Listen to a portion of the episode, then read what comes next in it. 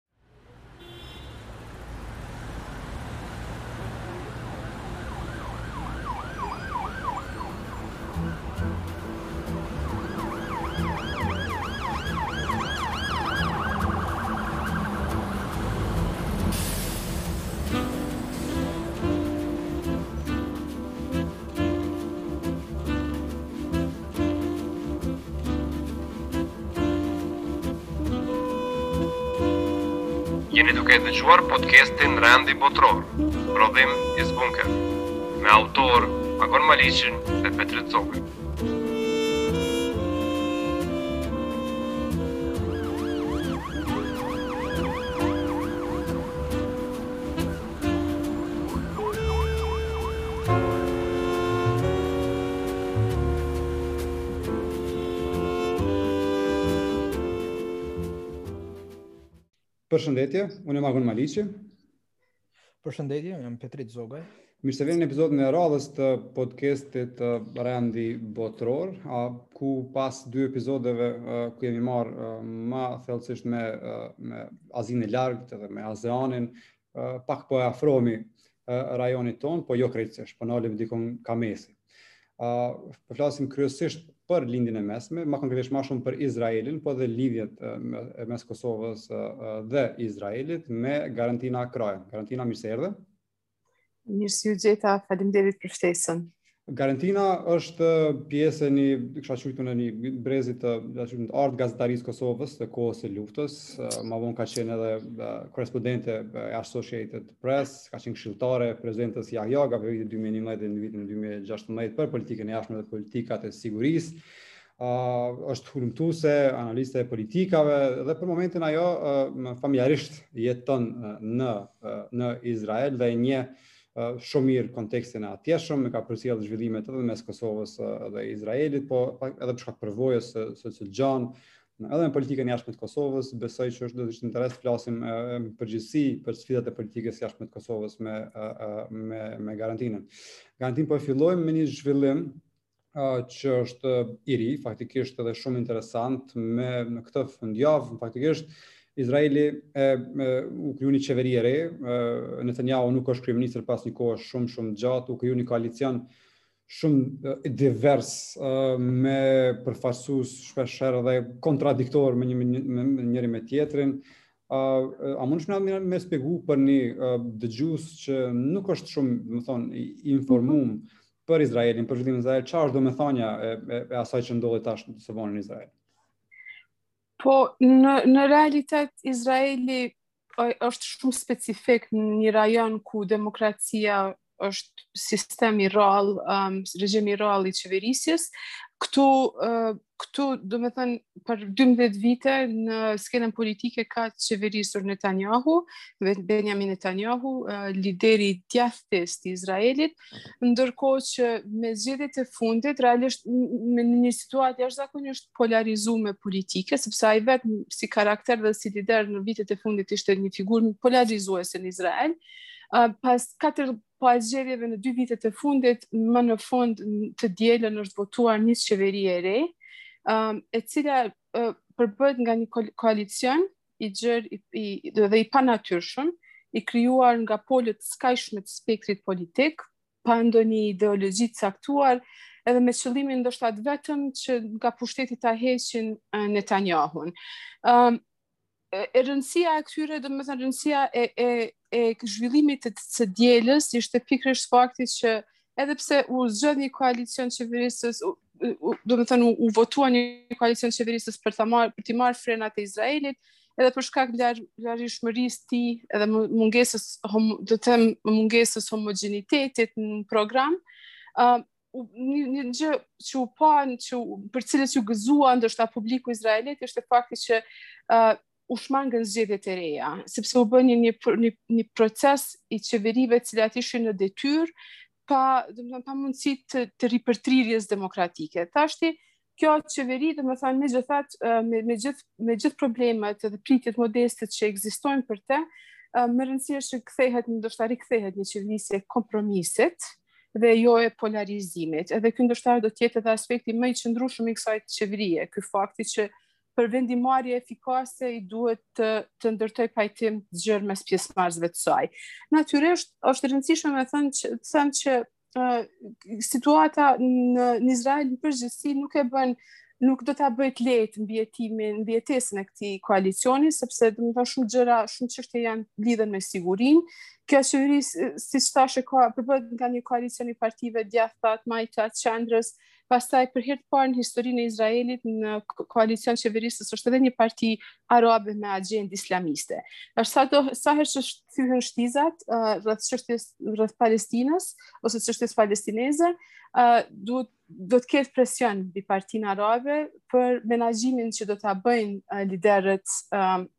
liderët e, e këtij e kësaj qeverie. Specifika tjetër që ndoshta edhe dobëson qëndrueshmërinë e këtij koalicioni, përpos domethënë këtyre që i thamë, në qështjeve ideologjike, është edhe, edhe fakti që, që e, e promovojnë një rotacion kryeministrash, domethënë vitit dy vitet e para, qeverinë do ta udhëheqë Naftali Bennett, djathtist me, me pikëpamje, domethënë që një, një njeri që dikur ka, ka qenë kryeministri si dikur ka qenë uh, ka përfaqësuar kolonët dhe, dhe ka qenë është pro ndërtimit të uh, e, e, për, e përkrah e mbështet ndërtimin e, e vendbanimeve izraelite në territoret e okupuara të Bregut Perëndimor. Uh, ndërkohë që në anën tjetër, domethënë, dy vitet e ardhshme pritet që, që koalicionin, ose qeverinë, këtë qeveri koalicioni do ta qeverisë, do të do ta udhëheqë uh, Jair Lapid, i cili realisht uh, është më nga qendra, domethënë si, si, si punë ideologjie më, më qendror, mirëpo domethënë një personalitet i cili realisht uh, i mori një, një numër të madh votave pikërisht sepse bëri thirje rreth, domethënë u pa si njeri që, që bëri thirrje rreth kompromisit. Um, të shohim si do të shkojë megjithatë, domethënë, sot e kanë pas sfidën e parë, sot në Jerusalem është mbajtur një marsh i nacionalistëve hebrenj, uh, të cilët parakalojnë nëpër Jerusalem, edhe që ishte realisht shkaku, sepse uh, që, që u bë shkak për, për rifillimin ose rindezin e konfliktit në muajin maj, uh, Uh, ky marsh karakterizohet me parakalimin e njerëzve përreth izraelitëve për përreth um, vendbanimeve palestineze edhe si rezultat shpeshherë domethënë ndizen emocione ka emocione përcillet është marsh i cili përcillet me me siguri jashtëzakonisht të madhe dhe me me emocione të shprehura. Uh, sot ky marsh, domethënë menaxhimi i marshit ka kaluar në qetësi, uh, përpos domethënë incidenteve të vogla, natyrisht asnjë incident i sigurisë nuk është shumë incident i vogël, po megjithatë nuk ka pasur uh, rindezje të përmasave që i pamë në muajin maj, që rindezën atë konfliktin njëmbëdhjetë ditor mes Hamasit dhe forcave izraelite. Sot e menaxhuan mirë, domethënë ky ka qenë testi i parë të them për për qeverinë e koalicionit edhe edhe uh, mbijetesën e tyre. Pra si, për ta përfunduar ashtu si mendim, sfida e parë e këtij koalicioni do të jetë të mbijetojë për shkak të um, kësaj karakteristike, domethënë faktit që nuk është nuk është homogjen, nuk është koalicion homogjen. Ë uh, te kjo çështja e heterogjenitetit të të qeverisë, ë uh, do thotë ë um, uh, një pyetje ma specifike. Ë uh, Jair Lapid uh, i cili e thatë do të jetë kryeministër pas 2 vitesh apo ë uh, po. ai ai tani është ministër i jashtëm. Uh, po. Si dikush që e përfaqëson ma shumë qendrën, ë Çka nënkupton kjo në kuptimin e pozicionimit të kësaj qeverie, domethënë a a a, a ka ndonjë lloj konsensusi rreth politikës së jashtme të, Izra të Izraelit, a, a kanë arritur naj dakordësi programore, a është emrimi i Lapidit në atë pozitë në njëfarë forme si refleksion i asaj se çka mundet me qenë si frymë politika e jashtme e Izraelit apo çka çka mund të jetë dallimi me me, me qeverinë e Netanyahut në këtë drejtim. Po, ajo është, ajo është e vërtetë që është edhe pjesërisht është ka të bëjë me faktin që ai është një shihet si njeri i kompromisit, në kuptë, sepse një njeri të paktën që arrin të komunikojë, është ish gazetar, domethënë ish personalitet televiziv në në Izrael. Ë uh, me me rëndësi për për për është pozita ndoshta pas kryeministrit fakti që ai është emëruar si ministri i jashtëm është edhe fakt edhe për arsyen se është pozita duke marrë parasysh rëndësinë e Izraelit në marrëdhënie ndërkombëtare është pozita e dytë ndoshta më e rëndësishme në shtet. Edhe e bart atë peshë. Domethënë fakti se ai është emëruar emru, ministri i jashtëm dhe nga ajo detyrë do ta merr ministri, do ta merr qeverisjen e vendit pas dy viteve, tregon shumë edhe për rëndësinë që i kushtohet ministrisë së jashtme në në Izrael. Ëh uh, këtë këtë unë e përmend unë e përmenda më herët që domethënë nga analistët në Izrael e kanë vlerësuar përgjithësisht figurën e Netanjahut, i cili ka ka shërbyer herë pas here edhe si ministri i jashtëm i Izraelit, e kanë e kanë shikuar si si figurë polarizuese dhe në fakt ai realisht vetë e ka bartë përgjegjësinë edhe për zhvillimet e brendshme edhe për zhvillimet e jashtme. një një rrethanë e tillë nuk do të jetë e mundur në këtë, këtë koalicionin e tashëm qeverisës për arsye se e thashë edhe më herët heterogjeniteti, mungesa e, e, e një, e një a, përcaktimi ideologjik të qartë, do ta detyrojë, do t'i detyrojë gjithë partnerët të bëjnë kompromise dhe rezultati i atij kompromisi ndoshta nuk do të shihet, më pritjet janë shumë modeste, nuk nuk, nuk analistët këtu nuk nuk e shohin që do të ketë ndonjë si të them, do të ketë ndonjë ndonjë moment të tri për për uh, marrëveshjet me palestinezët apo përreth Iranit. Domethënë këto çështje do të mbesin çështjet më të ndjeshme, edhe si palestinezët ashtu edhe izraelitët, përfshirë edhe ata të moderuarit, nuk do nuk presin ndonjë zhvillim të hovshëm. Uh, edhe ky edhe edhe përcaktimi i koalicionit në ditët e para të qeverisë ka qenë rreth agjendës të brendshme. Ëm, ehm, uh, domethënë zhvillimi ekonomik, uh, zhvillimi uh, shoqëror në përgjithësi, shëndetësia, edhe arsye ndoshta pse pse është vënë theksi te kjo agjendë e brendshme ka qenë pikërisht sepse aty gje, janë edhe pikat e përbashkëta. Pastaj edhe ekziston edhe edhe brenda Izraelit përkundër faktit që është i zhvilluar, përkundër faktit që ka qenë vendi që uh, e ka kryer vaksinimin me sukses dhe me një me një shpejtësi të jashtëzakonshme, megjithatë bart shumë pasoja uh, nga Covid-i, sidomos në aspektin ekonomik, edhe i duhet, domethënë shteti duhet të kalojë nëpër një rigjenerim. Pra, edhe i, i, i konvenon edhe qeverisë së re që një që ta prioritizoj politikën e brendshme, të paktën në këto dy vitet e ardhshme derisa të stabilizohet koalicioni, nëse do të mbijetojë. E them nëse do të mbijetojë, sepse në Izrael rrallë herë që një qeveri e arrin ta ta përmbush mandatin 4 vjeçar. Tina, saktësisht edhe kjo ndoshta të jetë pika e dytë cilën ne do ta diskutojmë tash që është në një kontekst pak ma të gjanë. Izraeli ekziston brenda një territori, brenda një regioni goxha shumë armiqësor. Kemi parë që ndoshta së fundi ka ka pas pak lëvizje të shteteve të Ligës Arabe kryesisht që kanë ndërtu një relacion diplomatik, po shumë pak shtete të rajonit kanë një do të thotë kanë marrëdhënie diplomatike të të plota me me Izraelin. Pra ka ka shtete ekstreme sikur Irani ose edhe organizata Hezbollah ose të tjera që kërkojnë zhdukjen e Izraelit, por ka edhe shtete të cilat megjithëse nuk kërkojnë një gjë të tillë kanë raport të të ngurtë uh, ose s'kanë raport fare diplomatik. Um, mm. uh, ajo çka uh, po na intereson neve me dit është nëse uh, gjatë kësaj periudhe uh, të një qeverie tjetër pas 12 viteve, Atë cili a, a, si e sheh një relacion a, a sheh një relacion ndryshe me shtetet e rajonit, a, ku Izraeli ka një përpjekje për të ndërtuar a, relacione diplomatike, do të thotë në në politikën e jashtme edhe me me u konfirmu pak a shumë Izraeli sikur a, një shtet që ekziston edhe nuk a, nuk vihet në pikëpyetje ose edhe ndërton relacione shumë më të mira sesa që ka tani. A si e shihni me këtë qeveri? A, a do të ketë një lloj lëvizje në në këtë drejtim? Po një pjesë realisht një pjesë e punës rreth rreth rreth për të them vendosjes Izraelit si realitet i pa i pamohueshëm në lindjen e mesme ishte u, u, u përfundoi me me marrëveshjet e Abrahamit, të cilat u negociuan edhe u lidhën gjatë administratës së Trumpit edhe edhe qeverisjes së Netanyahu-t në në domethënë Izrael edhe në Amerikë gjithashtu Washington.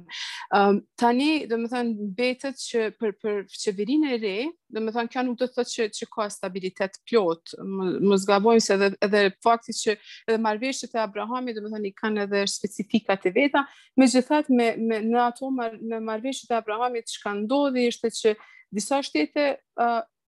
arritën të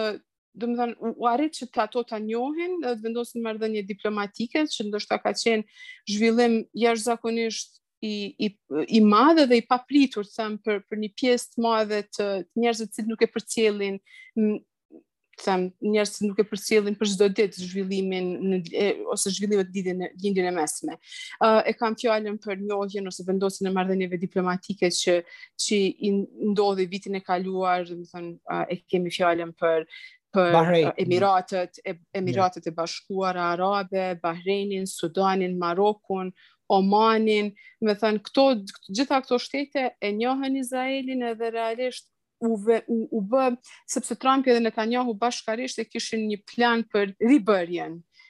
e, e Lindjes së Mesme, në të cilën do të ndryshonte pak a shumë baras, baraspesha e forcave, dhe në të cilën do të fillonte ngritja e Arabisë Saudite, si marrjen e primatit, domethënë, të, të, të, në Lindje të Mesme nga Arabia Saudite, uh, e në veçanti domethënë kon kontrollin rreth Jerusalemit, vendeve të shenjta, e kam fjalën për vendin e tretë, të shenjtë për për muslimanët që gjendet në në në Jerusalem, është fjala për Xhaminë Al-Aqsa, që shpesh është edhe edhe qendra e tensionimeve mes Izrael, iz, forcave izraelite dhe palestinezëve, besimtarëve palestinezë që që kryejnë ritet fetare atje. Domethënë kush do ta merrte primatin këtu nuk është vetëm në, në këtë garë nuk është nuk është natyrisht vetëm Arab, Arabia Saudite, po ishte edhe është edhe Irani, pastaj është edhe Turqia si si uh, një shtet i cili uh, po ashtu ka apetite rajonale, ka ambicie rajonale. Uh, tash çka ka ndodhur në në, në ndërkohë, domethënë është që, që ndoshta shtetet e tjera të cilat kanë pas një bazë miqësore të ndërtuar me Izraelin, ose nëse jo miqësore, ndoshta po e teproj te miqësore, po që e kanë pas një, një, një, një marrëdhënie ose një relacion të vendosur, sikur që, jën, që është Jordania, janë lënë pak mbrapa në, në këtë në këtë konstelacion të ri të forcave. Ndërkohë që, që ju e patë edhe gjatë, gjatë luftës në, në Gaza, që nuk ishin, nuk ishin forca tjera që negociuan, por po ishin pikërisht, pikërisht fqinjët e parë të Izraelit, domethënë, në këtë rast, Egjipti, një mhm. delegacion nga Egjipti e, e arriti armëpushimin me Hamasin. Uh, domethënë, do të ketë vazhdimisht, tu, do të ketë uh, do të ketë përpjekje për për primat në lindjen e mesme, për kush do të jetë, kush do të jetë, kush do ta marrë primatin për për të vendosur relacion paqe mes Izraelit dhe Palestinës, palestinezë, territorit palestinezë, sepse në këtë rast, domethënë nëse nëse ka një konflikt madhor, është ky konflikt, është konflikt mbi 70 vjeçar. Edhe kush do të jetë ai që do t'i besohet ky rol i ndërmjetësit. Ëm, um, domethënë deri tash e pamë Egjiptin, po është ndërhyrja e Egjiptit është specifike sepse administrata amerikane nuk nuk negocion me Hamasin, nuk negociojnë as uh, as izraelitët vetë drejtpërdrejt sepse ata e konsiderojnë Hamasin grupin militant si organizatë terroriste. Në anën tjetër, domethënë janë zhvillimet që janë në Siri, janë zhvillimet që janë në Liban, Um, edhe, edhe, por gjithmonë, domethënë, sytë janë te Irani, edhe te agjenda e tyre karshi Izraelit. Um, Irani është i përfshirë në, në përkrahjen e, e, e Hezbollahut, është i përfshirë po ashtu në konfliktin e Jemenit, edhe natyrisht që uh, në luftën e fundit në Gaza është parë që është i përfshirë edhe në armatimin e Hamasit, sepse arsenali i Hamasit gjatë viteve të fundit, domethënë, u pa që është zgjeruar me hedhjen e mbi 4.000 raketave më duket në, në Izrael gjatë atij konflikti. Pra, nuk nuk është shumë e qartë ende se cili do të jetë drejtimi, domethënë e e e vërteta është që uh, Irani do të vazhdojë të mbes kërcënimi ekzistencial për Izraelin dhe nuk shoh që këtu do të ketë ndonjë ndryshim i politikës së jashtme në Izrael, të qeverisë së re në raport me me Iranin, por këtë ndryshim nuk do ta ketë as administrata e e amerikane, cilado të jetë të që është që do të jetë në pushtet, do as as as presidenti Biden nuk besoj se do të ndjek ndonjë agjendë tjetër, uh, Irani nuk do t'i lejohet uh, uh, pajisja me armë nukleare, andaj edhe mbetet, mbesim të shohim se si do të si do të jetë, si do të ndikojnë në të ardhmen, domethënë arritja e këtyre marrëveshjeve të Abrahamit, a do sepse ato tash domethënë një efekt të cilin ato e kanë pas tash në, kët, në këto momente ka qenë normalizimi i raporteve me Izraelin, që ka qenë i përnjëhershëm. Edhe këtu natyrisht që përfiton përfitojnë shtetet të cilat kanë lidh këto raporte për shkak se ato kanë marrëdhënie bilaterale ushtarake me me me Shtetet e Bashkuara të Amerikës rreth rreth blerjes së armatimit, po në të njëjtën kohë uh, e, e, ju intereson ka, që ta forcojnë marrëdhënien me Izraelin, me, me marrëdhënien me Izraelin sepse Izraeli megjithatë është një qendër e inovacionit. Edhe si e tillë, domethënë inovacionit teknologjik, këtu kompanitë si Google, Apple, IBM, Intel, të gjitha kanë prani permanente. Edhe këto, domethënë, aspekti i sigurisë i bëjnë këto shtete që të jenë, ta njohin realitetin e Izraelit edhe këto marrëdhënie nuk do të kthe, nuk, nuk do të kenë kthim mbrapa. A, a beson që do të zgjerohet do të thotë kjo gama e marrëveshjeve të, të Abrahamit që e, vetëm i përmende. Pra, me këtë qeveri, a beson që do të ketë njëfarë lloj qasje që Izraeli do të tentojë ta zgjerojë um, raportin e vet të mirë pra ose themelimin e marrëdhënieve diplomatike me shtetet përreth dhe të cilat mund të jenë shtetet që mund të targetohen. Pra, uh, në edhe duke pas parasysh vazhdimisht që kemi një administratë tjetër tash, një natyrë tjetër të administratës në SHBA dhe po ashtu duke ditur që a, një pjesë e marrëveshjeve ose ndoshta goxha mirë ndoshta të gjitha marrëveshjet e Abrahamit vitin e kaluar u bënë në prag të zgjedhjeve në në SHBA që ishte një përpjekje pak a shumë e, e presidentit Trump për të kontrolluar një votë të komunitetit izraelit ose hebrej në në Shtetet e Bashkuara të Amerikës. Pra, a shihet që uh, do të ketë një lloj qeveria e re edhe raportet që mund të kenë me, me SHBA-n, do të ketë një tentim tjetër për për të avancuar raportet nëse s'po flasim sigurisht uh, për një rinegocim të marrëveshjes uh, nukleare me Iranin, sepse siç shihet nuk është që ka një vullnet të paktën nga administrata deri më tash. Paralajmërimet, siç e thashë për këtë, paralajmërimet janë që do, do të ketë përpjekje për t'i forcuar marrëdhëniet që janë lidhur aktualisht. Domethënë, edhe të rejat, po edhe ato të vjetra, domethënë, shteteve përreth Izraelit, për shkak që, për shkak sfidave të reja të sigurisë. Uh, siç e thashë, me këtë koalicion do të jetë pak më e vështirë, sepse politika e jashtme në të kaluarën është udhëhequr ka qenë politikë e një njeriu, ka qenë shtytje e një njeriu, është mbajtur jashtëzakonisht larg syve të publikut çfarëdo uh, marrëveshje, domethënë ato ka, janë marrë vesh uh,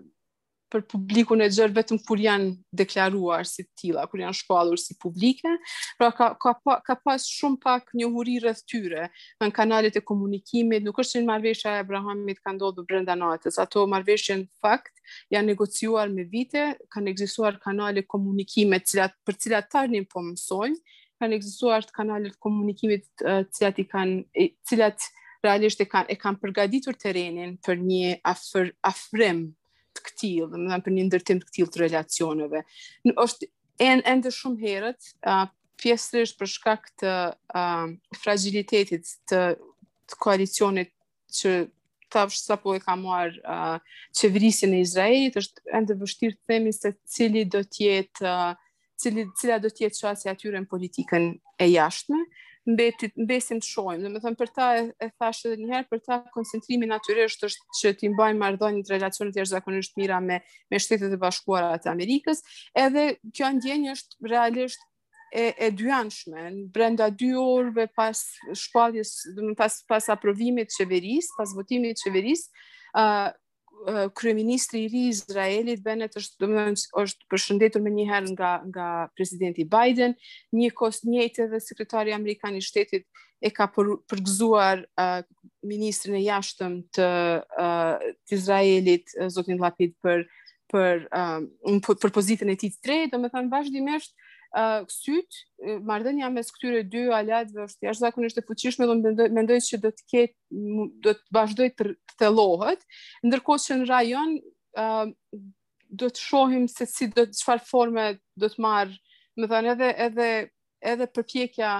botërore të them, po në veçanti amerikane për uh, për konfliktin e hapur mes Izraelit edhe edhe Palestinë, palestinezëve, konfliktin izraelito-palestinez, do të shohim, nuk është ende herët për të thënë. Garentina, po fillojmë pak po afrohemi uh, ma shumë ka, nga Ballkani, uh, para se të flasim drejtpërdrejt për Kosovën, uh, deshta një pyetje kështu pak ma të përgjithshme për rajonin, domethonë Ballkani në përgjithësi nuk futet dhe nuk uh, hyn në atë lagjen e menjëhershme të Izraelit, po një pjesë e tij uh, është domethonë pjesë e Mesdheut. ë uh, uh, si i kishe definu interesat e, e ose si i kishe definu domethonë interesat e Izraelit në në rajon. A janë parimisht ekonomike, a është në a është shihet rajoni si, domethonë diçka si pjesë e një gare me fuqitë e tjera konkurruese ta zëmë me Turqinë, a është interes, domethonë edhe çështja e sigurisë, e radikalizimit, a, a, a, ku i sheh ato pikat shtyllat kryesore të interesit të Izraelit në Ballkan?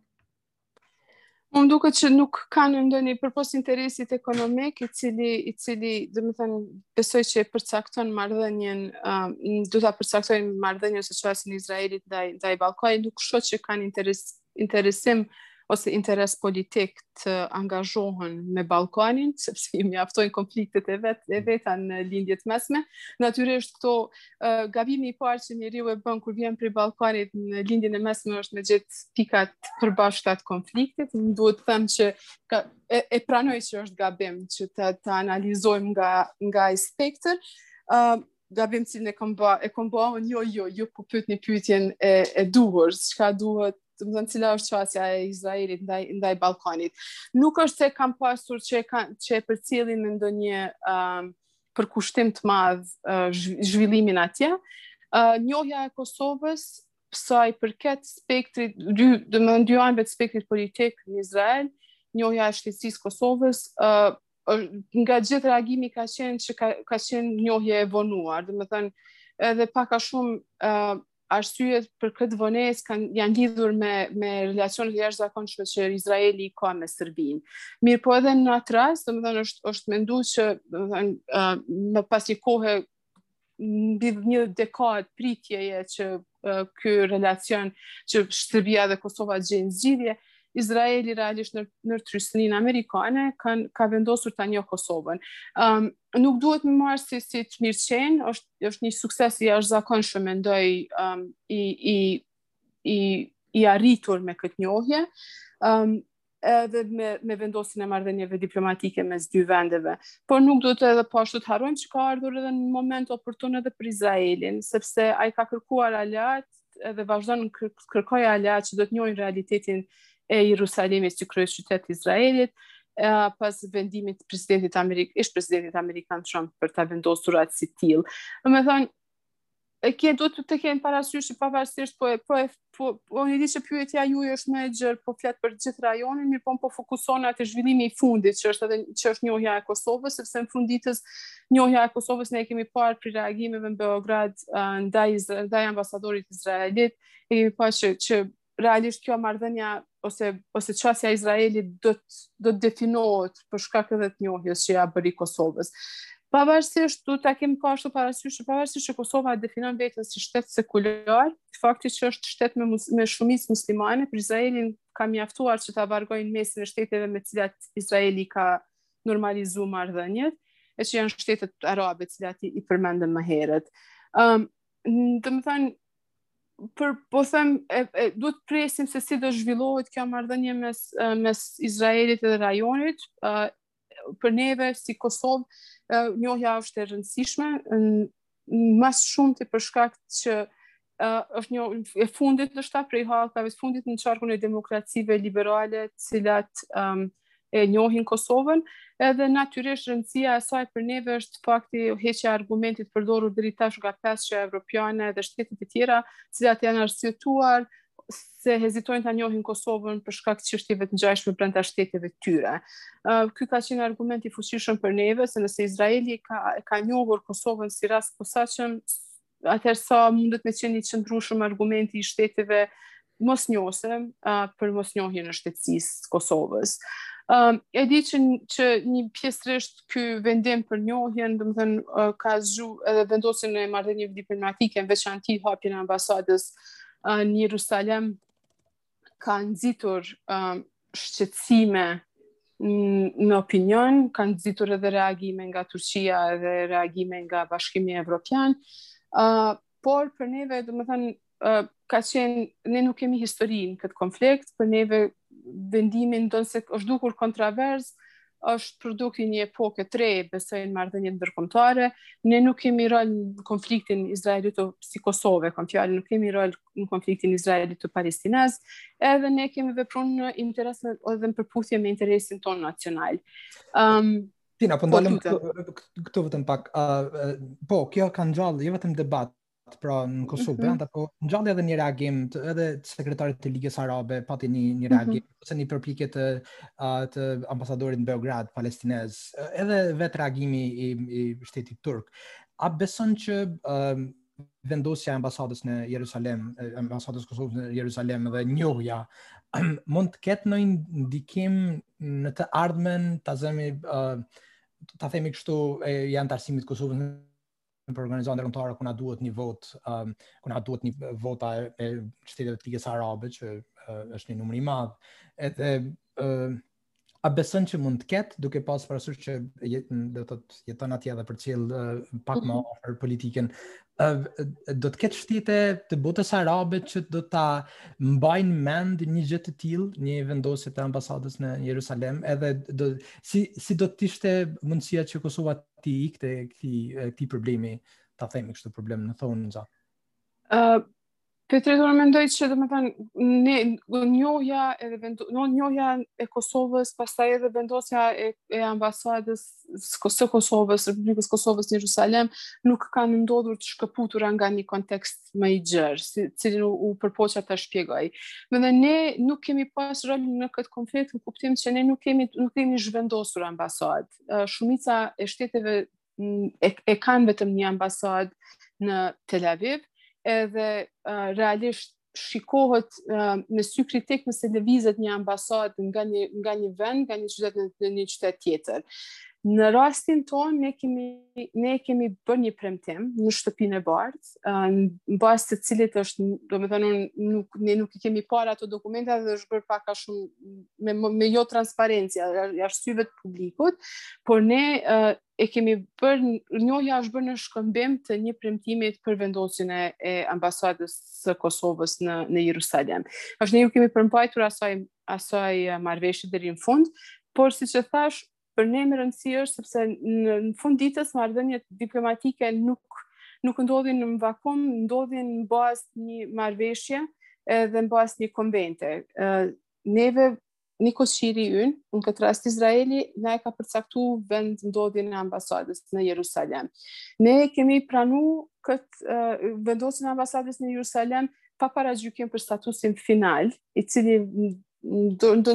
do ta ketë një epilog mes Izraelit edhe edhe Palestinës. Ë uh, ne pa paragjykim do ta vendos e kemi vendosur në Kosova ka vendosur ambasadën në në Jerusalem. E thatë edhe ju ka ngjallur reagime, ndoshta do të mbahet kundër Kosovës, mirëpo mendoj se këtu ka vend për hapësirë për diplomacinë kosovare, për të hyrë dhe për të shpjeguar në formë uh, në formë uh, të qartë për t'i formuluar arsyet e një vendimi të tillë, edhe edhe të vazhdoj, domethënë, uh, të të ofroj sqarime për për hapat të cilat cilat i ka ndërmarr. Ëm um, në në në realitet, domethënë, uh, këtu ne kemi parë deklarata të ashpra, por nuk kemi parë ndonjë veprim i cili do ta kthej në ndonjë formë mbrapa bashkëpunimin ose ose um, relacionet e Kosovës me shtetet arabe. apo edhe me bashkimin evropian, um, duhet t'i pa, t'i kem parasysh secili, secili lojtar e ka interesin e vet në, në këtë aspekt, sikur që e ka edhe Kosova. Unë thash, Kosova ka vepruar në, Kosovës i kontestohet shtetsia çdo ditë, edhe ajo ka vepruar në bazë të interesit të saj nacional. Ne nuk jemi as, nuk jemi jo afër në rrugëtimin tonë drejt bashkimit evropian, sepse para se ta mbrrim atë cak, ne duhet të konsolidojmë, duhet Kosova të konsolidohet si shtet në arenën ndërkombtare. Derisa të mos ndodhë ky konsolidim, do të jetë shumë e vështirë për neve të, të, të aplikojmë nëpër organizata ndërkombtare. Domethënë, në përgjithësi mendoj që që këtu është çështja e hapave. Fillimisht interesi nacional i Kosovës është përcaktimi kjo nuk do të thotë që ne do nuk nuk do duhet nuk nuk do duhet të bëjmë politikë parimore. Mirpo në këtë rast uh, kundërthënia nuk kundërthënia nuk nuk është aq edhe ndoshta edhe aq edhe kundërthënie, sepse në fund të ditës po e them ne nuk kemi histori në këtë konflikt, pastaj e kemi edhe një palë jashtëzakonisht antagonizuese ndaj Kosovës, uh, pala palestineze,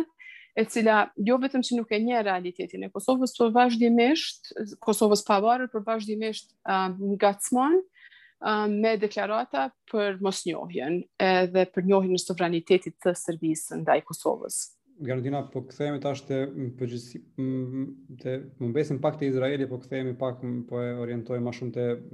te politika e jashtme e Kosovës. Më kujtohet një tweet që pate bo uh, në kohën kur kishte pak dilema rreth çështjes së ambasadës ose ose jo dilema, po uh, vonesa në hapjen e ambasadës. Uh, kur nëse s'gaboj uh, thoshe diçka të tipit që uh, kjo do të luajë rol në cilësinë e marrëdhënies me me një demokraci të zhvilluar, domethënë në në lindjen e mesme siç është Izraeli. Ë çfarë lloj cilësie të marrëdhënies mundemi me kërku ne dhe çka mundemi me me me, me përfitu ti përmend, domethënë përfitimet nga njohja, ë uh, e mhm. përmend interesin ekonomik uh, të Izraelit, por Izraeli në një farë forme për shumë gjëra është edhe model, ë uh, uh, si shtet, domethënë edhe ka shumë gjëra të të ngjashme me Kosovën, sidomos në këtë faktin që domethënë me çështjen e njohjeve, me, a, a, a ka potencial që me, me, domethënë me përfitu qoftë nga përvojat nga Izrael, nga, nga, nga investimet e Izraelit, a, apo edhe nga fuqia diplomatike e Izraelit, se megjithatë është një shtet që, siç thuhet anglisht, godet më fort se, se pesha e vet në një farë forme. E vërtetë, ndoshta vetëm ne jemi pas Izraelit që që jemi në, domethënë për kah madhësia edhe edhe edhe popullatës edhe territorit që jemi pas tyre ndoshta e marrim primatin për për uh, tituj ndërkombëtarë. Ëm um, është e vërtetë Agon uh, që kam thënë që do të përcaktohet cilësia megjithatë uh, megjithatë, domethënë, Kosova nuk u vonua, natyrisht ne ishim në prag ndërrimit të qeverive dhe kjo nuk, ndoshta hapja e ambasadës në Jerusalem, ndoshta nuk ka, ka qenë prioriteti i qeveri, i qeverisë së kaluar e jo, jo aq edhe prioritet i qeverisë në ardhje, edhe aty sikur u shkaktua një vonesë, e cila, si, dikush që, që domethënë, um, domethënë, synon ta, ta njohë realitetin në dy vendet dhe të përcjellë, përcjellë zhvillimet në dy vendet, e kisha shqetësimin që ndoshta po humbim, po humbet uh, gatishmëria e Kosovës për të vendosur marrëdhënie me Izraelin, marrëdhënie cilësore po humbet në përkthim, domethënë me këto rreth atyre vonesave, të cilat kur filluan të reagojnë shtetet për, domethënë shtetet e tjera, filluan domethënë të marrin ndoshta përmasa pak më më dramatike se ç'ishin ishin fillimisht. Unë nuk mendoj që marrëdhëniet tona nuk do të jenë cilësore, në fakt Kosova iu përmbajt marrëveshjes, uh, edhe sikur që iu përmbajt edhe Izraeli marrëveshjes për njohjen, Kosova për hapjen e ambasadës, u vendosën marrëdhënie diplomatike. Tash është e vërtetë që për, për, përpos uh, ekonomikisht që, që besoj që ka jashtëzakonisht shumë mënyra, sidomos në sektorin e inovacionit teknologjik, ka mënyra të shumta për ku, se si mund ta marrim ne Izraelin model, dhe mendoj që ato kontakte tashmë vetëm kanë filluar, kanë ekzistuar edhe më herët, sepse kontaktet kontaktet njerëzore mes Kosovës dhe Izraelit kanë kanë ekzistuar shumë më herët sesa sesa njohja, sesa ardhja e njohjes. Pra thashë te qendra e te inovacioni teknologjik Izraeli është qendër botërisht e njohur, ë edhe e avancuar, mendoj që Kosova këtu është aspekti kyç ku ku Kosova do të mund të merrte mësim nga Izraeli për çështjet politike as nuk mendoj që që duhet të diskutojmë më më shumë sesa që u diskutua për to. Ëm natyrisht Kosova duhet ta shohë edhe si mundësi për për zgjerimin e, e tregut të saj um, me me prodhimet me vendosjen e produkteve tashmë ka disa biznese të cilat si duket kanë arritur të depërtojnë uh, në Izrael me, me mallrat e tyre, domethënë ta shohim edhe këtë aspekt.